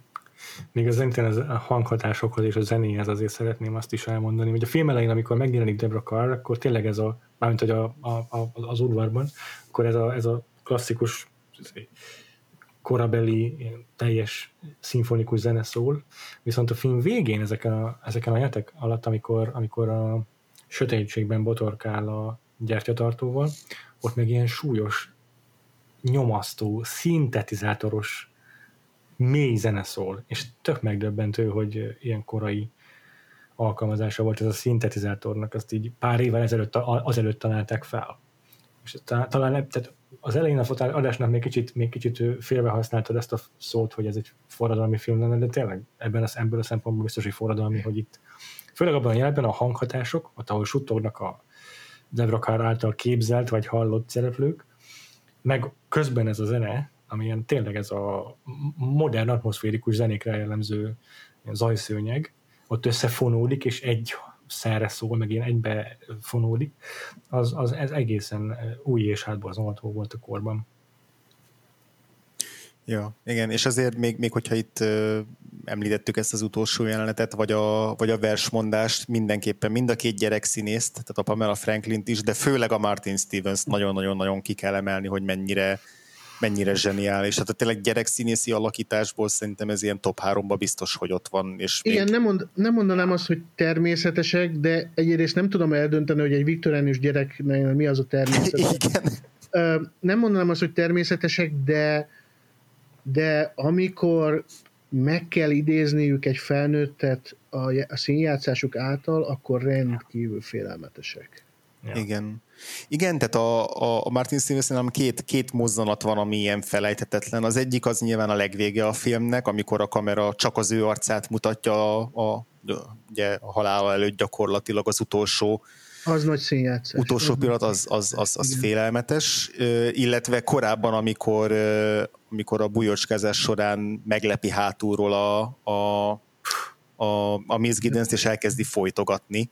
Tehát ahol, ahol ténylegesen így már mi is, mi is így megneszelhetjük a, ezt a szadista ént, ami aztán később bizonyítást nyer, szóval hogy, hogy ő, ő bele tudta vinni ezeket a, ezeket a színfoltokat. Ez, ez mindig egy tök izgalmas kérdés szerintem így, hogy egy rendező hogyan tudja ezeket így előhozni egy gyerekszínészből. Itt a Jack Layton direkt nem árulta el a gyerekeknek a egész forgatás alatt az ilyen sötétebb vonzatait a, a forgatókönyvnek, mm. vagy, a, vagy a karaktereiknek, tehát próbált őket így védeni ezek elől a erősen ilyen, ilyen szadista, megszadomazohista szexuális vetületeitől a filmnek, úgyhogy, de hát nem tudom, hogy ez Szóval hogy ez, egy, ez, egy, ez mindig egy ilyen tök nehéz manőver lehet, hogy, hogy a, a vásznon azt lásd, amit, amit, a, amit akarsz, tehát hogy, hogy tényleg így felnőttként viselkedjen ez a gyerek, és olyasmit csináljon, ami így átlép csomó tabut, meg határt, úgy, hogy közben meg a gyerek színész az ne sérüljön, és hogy ne, hmm. ö, ne feltétlenül azt értse meg a, a filmből, amit, ö, amit, amit nekünk kell megérteni, igen, szóval ez, ez biztos, hogy mindig nehéz ügy. Ja. Ez a srác azért ki volt téve itt a, a, a, a próbáknak, mert az előző filmje is egy horror volt. A Trifidek napja? Vagy ilyen nem a Village of the Damned, ugye? Igen. Igen, igen. igen. Uh-huh. Igen, láttam vele egy, izé, egy, egy TED talkot, a, már a felnőtt, felnőtt Martin. Mondom, hogy nem gyerekkorában. az, egy, az egyik legelső TED talk még 1962-ből. szóval, hogy igen, a, a most ilyen, nem tudom, 70, 71 éves most a, a Martin Stevens, tehát a 60-as éveiben készített, mm. készítették vele ezt. Ő ugye 60, 60-as évek közepén vissza is vonult a színészettől, és most már egy építészként dolgozik. De, de ő ott, ott mesélt itt a, a, az Innocence-ről, egyrészt arról, hogy ő a Debra Carral már dolgozott együtt, tehát hogy, hogy már megvolt erre a filmre korábban egy olyan nagyon jó kapcsolat közöttük, amiért ebben a filmben is mindig nagyon biztonságban érezte magát, meg hogy a Debra Carr mindig nagyon ügyelt arra, hogy ő így tehát odafigyelt rá, foglalkozott vele, tényleg nagyon jóba voltak, és, és biztos, hogy az így segített abban, hogy, hogy ő is így, így könnyebben megbírkozzon ezekkel a jelenetekkel, illetve még azt is mesélte, hogy ott ugye őt, őt, őt az, a, az anyukája idézőjelben nyomatta erre a, erre a színészi pályára, és hogy ő állt mögötte így mindig ilyen, ilyen támogatóként, és hogy a, azt hiszem, hogy az a, a szülei el is váltak, és, a, és az apjától pont így el is távolodott, és hogy a, a film forgatása alatt, vagy közvetlenül előtte vesztette el az édesapját, és hogy az utolsó jelenetben gyakorlatilag ő ezt élte ki, ezt a, ezt a vesztességét, és hogy, és hogy az, azt mondta, hogy ez így pont így, nem tudom, hogy segítette, hogy, hogy így fogalmazott, de hogy ott, ott, ott gyakorlatilag ebből, ebből táplálkozott, ebből a, ebből a tra- traumájából, szóval, szóval nem véletlen, hogy ilyen, ennyire, ennyire nyers az az utolsó, uh, utolsó jelenet. Igen. Még egy, egyetlen egy dologról szeretnék beszélni a filmnek a témái közül, ez nem tudom, tudtátok-e, de az ártatlanság. egy fontos témája a filmnek. Várjál, ezt... Mint említetted. Ezt, de nem, szóval, hogy ezt így most Péter komolyan egy óra után kell bedobnod, amikor már lassan vége az adásnak. Nem mondta egy És hogy ez szerintem tök érdekes, hogy, hogy milyen vizuális ilyen nyomokkal támasztja alá Jack Layton a film során. Mm. Ugye a filmben az a legelején, ahogy megérkezik ide a Debra Carr, az egész ház ki van tömve vázákkal, amelyek, amelyekben így meredeznek tucat számra a fehér rózsák. És ez később visszatér a filmben majd még, de a fehér rózsa ezzel a maga szépségével egyértelműen az ártatlanságnak lesz a szimbóluma szerintem, mert a, a, akkor törik meg először ez az ártatlan tökéletes idill, amikor mm, a Giddens meglátja a toronyban a, a férfit, uh-huh. akiről később megtudjuk, hogy a Quintnek a jelenése valószínűleg, és ugye ekkor éppen rózsát mett Giddens. Uh-huh. És amikor megpillantja a, a, a, a torony tetején a férfit, akkor abban a pillanatban elejti a kezéből azt a rózsát, amit lemetszett. Uh-huh. És ezt tényleg kihangsúlyozza itt a Clayton, mert van egy insert, egy bevágóra egy, felvé, egy felvételt közelről, ahogyan a rózsa beleesik egy kútba. Uh-huh. Tehát ott tényleg az, hogy a rózsa ott elhullik, és a vízben az enyészeté válik, az egyértelmű szerintem. És akkor ugye ott fölmegy a toronyba, és ott a galambokkal játszik, a fenyér galambokkal játszik a Miles, a fiú. És ö, aztán a később, film későbbi szakasz, szakasz, szakaszában, amikor a, a Miss Giddens megpillantja ott a, a, abban a tanulószobában a, a Jesselnek, a nőnek a szellemét, és később a, a, elmeséli ezt a házvezetőnek, a Mrs. Groves-nak, mm. akkor ezt, a, ahogy elmeséli, amit látott, azt ott megáll a szobában egy kitömött madarakkal teli ilyen kis üvegvitrin előtt. És ott, ott hangzik el a szájából konkrétan az, hogy azt mondja, hogy érezte azt a szex, a, ott van a, a, a Jesselnek a szelleméről beszél, aki ott volt a dolgozószobában, hogy érezte azt a szexuális vonzalmat, amit a Miss Jessel érzett. Mm. Ott a halott, halott madarak előtt mondja ezt. És akkor ugye a ké, ezután később... Tessék? A Sex Beyond the Grave, igen. hát, van, hát figyelj, van egy ilyen necro nekrofil olvasata is. De tényleg van, szóval... Igen, igen. igen. És ugye pont ez az, hogy a srác utána meg, ugye, aki valabokkal játszott, a következő jelenetében, meg le, amikor le akarja fektetni őt aludni a Miss Giddens, akkor elővesz a párnája alól egy halott galambot. Igen. És a halott galamb fölött csókolózik a ja. nevelőnője. Ja, ja, ja. Mondom, igen. ez, ez Sötét. Abszolút. És akkor még egy utolsó, ami szintén az ártatlanság. Bocs, csak amikor... annyit hagyd mondjak, uh-huh. Péter. Mond, persze. Nem, szerintem nem az ártatlanság a témája a filmnek, hanem éppen, hogy a korrupció. Tehát igen, igen, igen, ez igaz. Az ártatlanság elveszítése. Igen, igen, igen. Így van. Ezeken keresztül, a, ezeken a, az elmúlás, tehát hogy a rózsa is így elhullatja. Tehát a, pont ez az egyik jelenet, amikor a Miss Giddens a Bibliát olvasgatja, a gyerekek már alszanak, és akkor elkezdi hallani a, a, a szellemeknek a hangját, hogy kiss me, kiss me az a Jesselnek a hangja. Uh-huh. És akkor lerakja a Bibliát, és ahogy ahova lerakja a kis asztalra, ott, a, megint ott is van egy ilyen váza benne rózsákkal, és az egyik rózsának a szírma lehullik rá. Tehát ott is ez a, a rózsa az enyészetté válik szépen lassan, ahogyan így a szexualitás így megrontja őt. És a, a, a, ez szerintem biztos, hogy így ezek ilyen, ennek a metaforának a képei. Persze, biztos is, hogy, hogy ebből a szempontból nem volt a Clayton visszafogott, tehát ilyen direkt szimbólumokkal dolgozott ez, hogy egyértelmű legyen legalább ez, igen. Az biztos. Hmm. Igen. Hmm. A filmet, vagy a bocsánat, a könyvet, a Harry James könyvét azért elég sok formában feldolgozták. András mondta, hogy ez is igazából egy félig meddig egy színdarabból készült áttételesen, de készült egy előzményfilm is. Arról mennyit tudsz, Feri? Te láttad ezt az 1971-es The Nightcomers-t Marlon Brando-val? Én ismerem ezt a filmet, de ennek a könyvnek van vagy 30 feldolgozása. Ja. Ja, ja, ja. Az lehet a túlzás, de mondjuk egy tucat vagy két tucat az van, az biztos. Igen. Tudja, van, volt egy korábbi is, a 59-ben egy tévéműsor, a Star Time című ilyen antológiai sorozat, és abban John Frankenheimer rendezte, Ingrid Bergmannal. Úristen, Frankenheimer, ez még annyira se visszafogott, mint a, izé, a, Igen. a Robert Weiss. Én, na- én nagyon kíváncsi vagyok erre a változatra. Én nem azt mondom, hogy nem vagyok kíváncsi, csak kevésbé. Mhm. Ja. Ez, a, ez a 71-es előzményfilm, ez igazából Brando miatt érdekel, mert ugye Peter Quintet játsza, és ő pont, egy, pont így képzelem el, mint egy ilyen állatias, kirobbanó, Igen, igen, igen, az nem egy, nem egy túl nagy film, a a Nightcomers, de de igen, ahogy mondod, az előzmény dolgozza föl. Igen, az, Ja. hogy Kicsit, kicsit egyértelműsít benne néhány dolgot, ami tulajdonképpen kikövetkeztethető ebből a filmből is, de szerintem nem biztos, hogy elrontja azért azt a kételyt, ami ebben a filmben kialakult. Ö, én hadd mondjak ennek ellent, elrontja, mert a Nightcomers messze nem megy el odáig, azok olyan dolgokba, amilyenek dolgokat az Innocence sejtett. Uh-huh. Uh-huh. Az, hogy van nagy szex, az egy dolog. Itt az, az Innocence az más dolgokat is sejtett, Aha. és, Aha. és sokkal Igen. sötétebbeket. Értelek. Igen. Aztán volt idén pont, vagy nem is tudom, pár éve volt egy adaptáció, ez a The Turning, ami elég súlyos kritikai bukás volt, úgyhogy azt így nagyon kíváncsi voltam rá, de abszolút elment tőle a kedvem utána. És idén fogják bemutatni a Netflixen a minisorozatosított változatát. Tehát nem hiszem, hogy nem hiszem, hogy sok köze lesz igazából az Innocence-hez, vagy akár a könyvhöz, mert uh, ugye ez a Mike Flanagannek lesz a sorozata, a, ki pont a Haunting of Hill House-zal, a, pont a jövő héten megbeszélendő The Hauntingot dolgozta fel, és már annak se volt sok köze a könyvhöz, a Shirley Jackson könyvhöz, úgyhogy gyanítom, hogy ezt is azért igazából csak így max a karakterek neveit, meg a helyszínt tartja meg majd.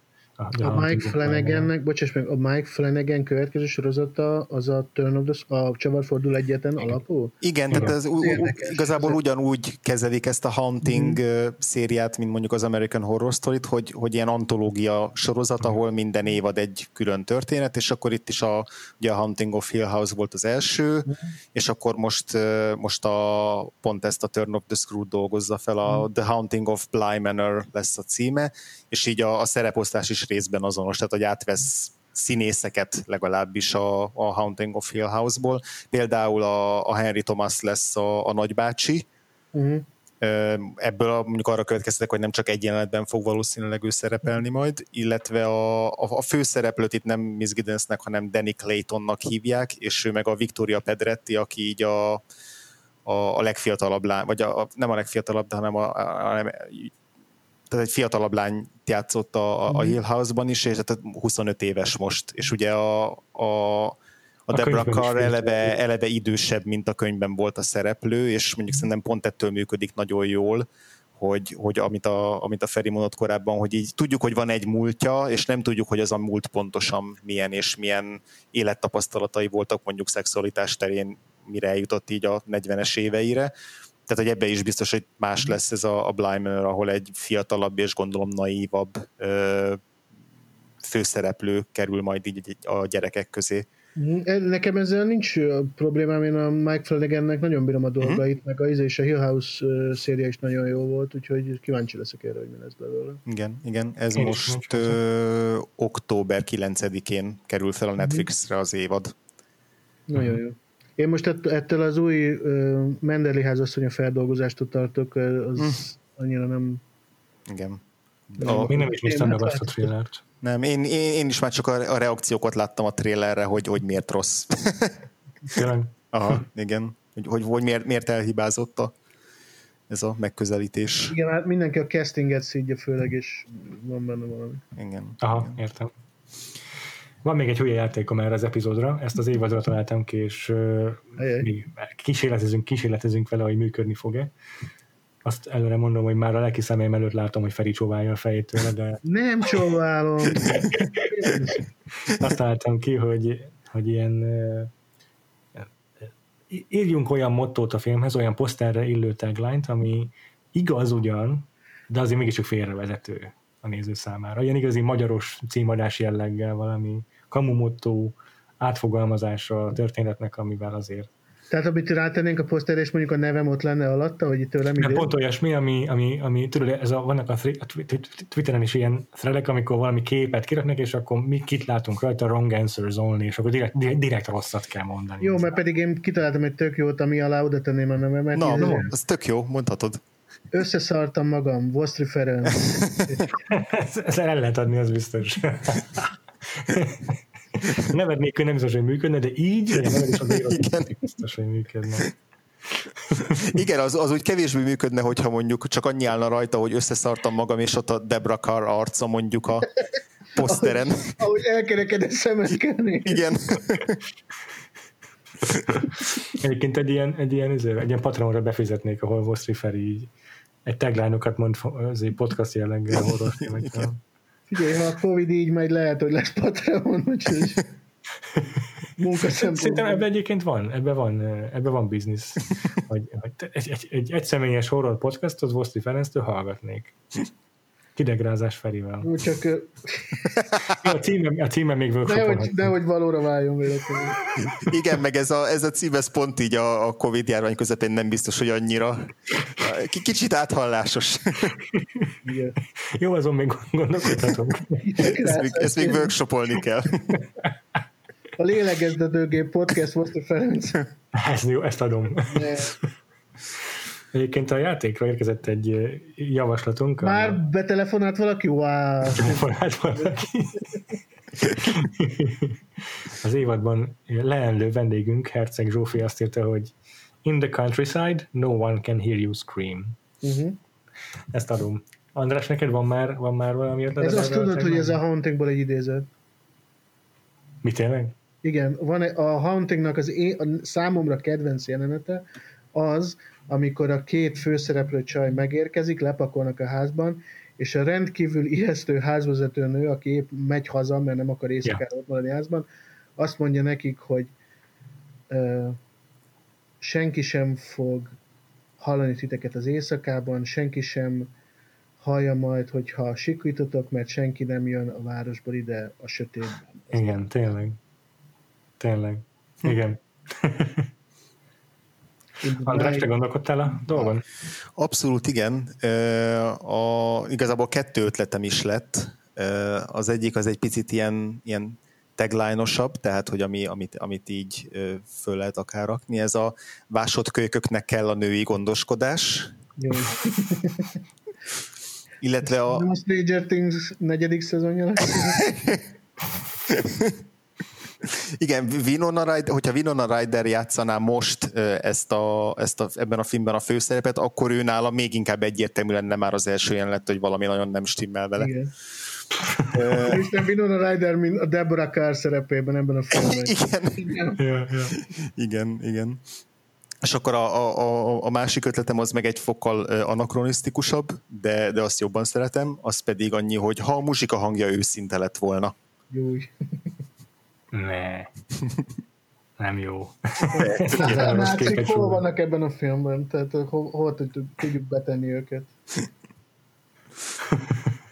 És komolyan a muzsika hangja náciait, ugye a filmben. Ja, ja, ja, ja, ja. Fú, ezt, ezt, ezt,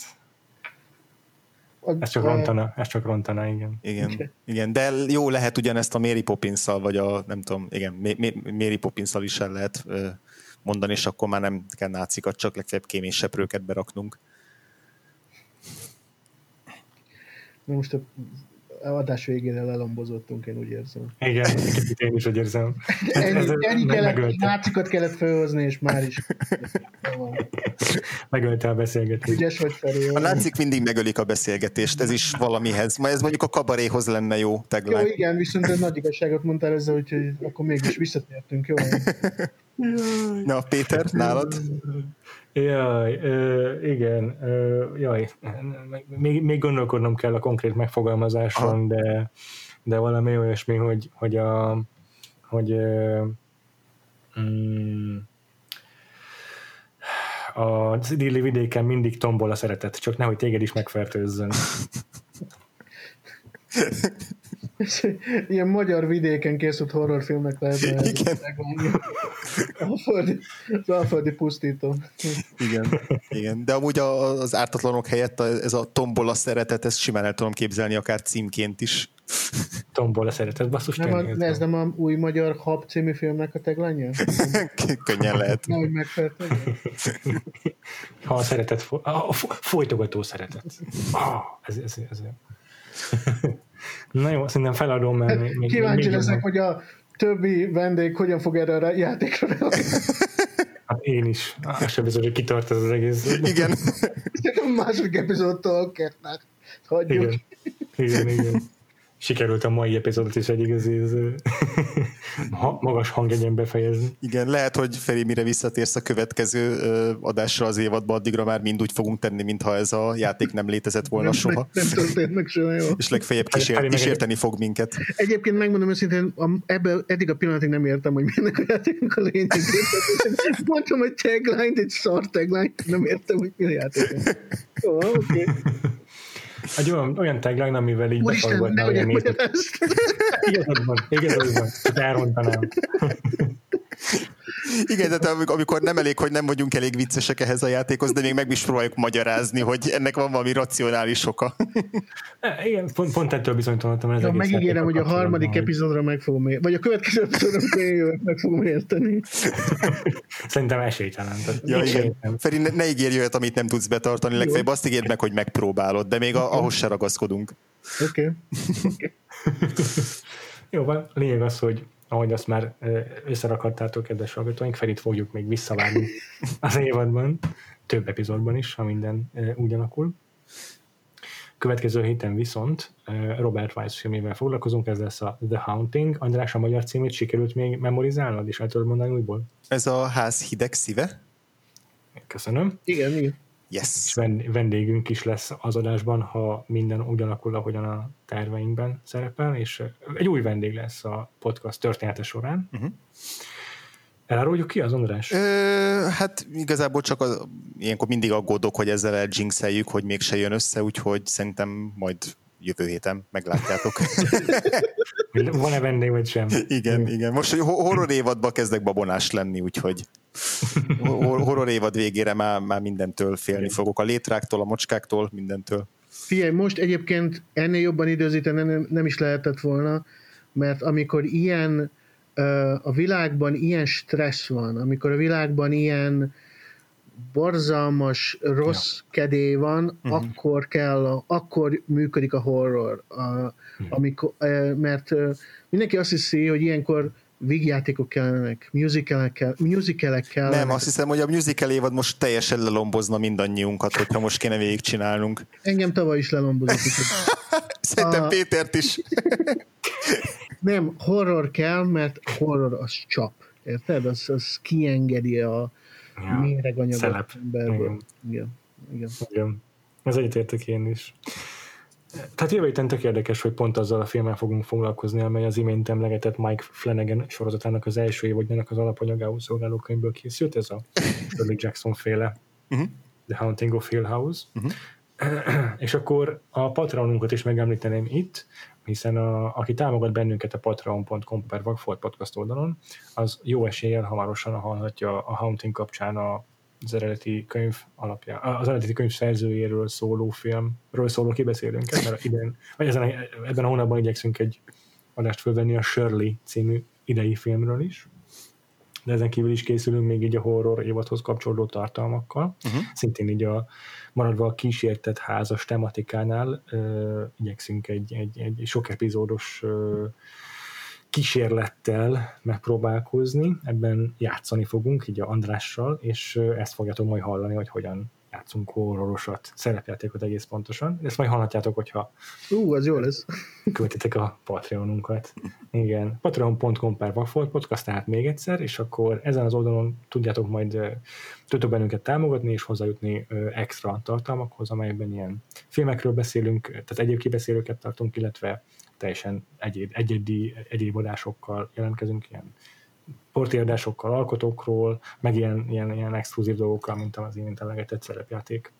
Tehát még egyszer patreon.com per Vagfolt podcast, hogyha támogatnátok bennünket.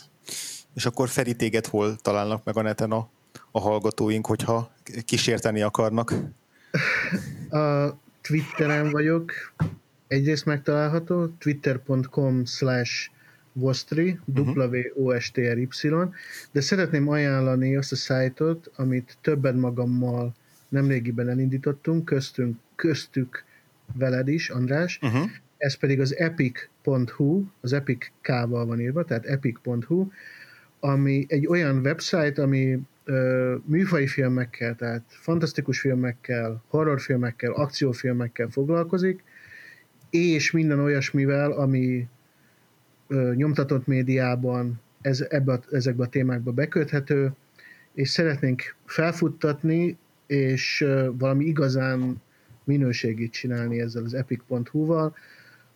Az összes kolléga a témáknak nagy szakértője, nagyon minőségi cikkeket publikálnak, úgyhogy nagy szeretettel várjuk az olvasókat ide. epic.hu igen. Tényleg ajánlom az olvasók figyelmében, nagyon-nagyon jó cikkek jelennek, meg főleg Feritől, meg Andrástól, de a többiek is. Nem, a többiek is nagyon jó. Nem, nem. nem András az, az András az eszméletlen jó író, azt én azt, azt, ah. azt tényleg így van. Igen. Nagyon, nagyon, nagyon örülök, hogy ez, a, ez, ez az oldal most, most tényleg el tudott indulni, azért Feri ezt már nagyon régóta tervezi Igen, útnak tudod, indítani, és, pont... és, és én, én is mindig úgy éreztem, hogy ez egy ilyen tök hiánypotló oldal, nem is feltétlenül csak a, a tematikája miatt, hanem a megközelítése miatt, tehát hogy szerintem ez egy olyan oldal, ami, ami azokat, a, azokat a külföldi szájtok veszi mondjuk mintának, vagy, vagy alapul, amik, amik mind arra szolgálnak, hogy, hogy ne, ne így a, nem tudom, a napi híreknek a, a igen, 200 igen, igen. meg az új előzeteseknek az 5000 izé, fejtegetéséről szóljon, hanem, hanem tényleg mélyüljön el jobban azokban a dolgokban, amiket, amiket az adott írók tényleg szeretnek, vagy, igen, vagy nem foglalkoztatnak. Állítom, nem állítom azt, hogy a Facebook oldalunkon, ami facebook.com slash epichu, nem lesznek hírek, de magán a szájton nem szeretnék híreket, nem akarok trélereket szarakodni, azt szeretném, hogy minőségi filmelemző cikkek kerüljenek föl oda. Ennyi. Tudom, hogy pont a, egy olyan időszakban, amikor mindenki a YouTube-ra megy rá, meg mit tudom én, akkor egy írott szájtot, egy főleg cikkekre alapozó szájtot esetleg hülyeség elindítani, de Hát én, én, én még De továbbra én, is hiszek abban, hogy az írott szónak tud ereje lenni, aztán lehet, hogy ez csak naivitás, de... Nem, nem, nem, ez így van, a minőségre oda jönnek azok, akiket tényleg érdekel. Nekem Igen. meg ez a vélemény. Így van. Minél, én, én is ennek a híve vagyok, hogy nem kell több tízezeres olvasótábort kialakítani, hanem kell egy dedikált, pontosan, pontosan. tényleg izé, érték, hogy mondja, műértő olvasótábor, és sok, sokkal jobban meghálálja magát. Pontosan. De azért persze, hogyha elindítod a Patreonodot, amiben minden, minden horrorfilmről beszélsz Feri, akkor ott lesz. Viszont András, téged az epic.hu az epic.hu-n kívül hol olvashatnak még a hallgatóink? Ö, olvashatnak még a Recorderen, egyrészt az online felületen, másrészt most ö, végre a karantén meg a, meg a nyári ö, holt idő, vagy hát kihagyás után most újraindult a, a nyomtatott magazin is, úgyhogy azt is, hogyha éppen jártok olyan helyen, és, és éppen ta, találtok Vagy elő, valahol... előfizettek rá, mert előfizethettek a rekorderre. Ja, igen, csak hogy amúgy meg ingyenes, de igen, de igen, elő is lehet persze fizetni rá. Szóval, hogyha valahol megtaláljátok, akkor, akkor érdemes felmarkolni egyet, de hogyha nem, akkor se, sincs katasztrófa, mert online is meg fognak jelenni majd ezek a cikkek, szóval oda, oda is írok és ezen kívül meg a Twitteren a Gains alsó vonás alatt szoktam néha jelentkezni. És az mikor jelenik meg nyomtatásban? Nyomtatásban, hát most terve van, hogy egy karácsonyi külön számmal akarok indítani az, az elmúlt, elmúlt tíz év tweet, termését egy ilyen gyűjteményes kötetben tervezem kiadni, illusztrációkkal, kommentárokkal, illetve CD melléklet is lesz hozzá természetesen, amin énekelni fogok. Te is látom az idők szavára hallgatsz. Igen. CD melléklettel. Jó, hát engem csak a Twitteren tudtok olvasni, a twitter.com per freehold név alatt, kettő elvelírom, illetve a Letterboxdon néha-néha publikálok. Érdemes legalább a Vakfolt címkére rá kóksíznatok, mert azért a András is meg én is időnként használjuk, hogy az itt megbeszélt filmeket lelaplózzuk. letterboxd.com-on. Jól van, és akkor jövő héten várunk mindenkit vissza a The Haunting-gal, illetve Ferivel még találkozunk többször is az évad folyamán. Addig is sziasztok! Sziasztok! Sziasztok!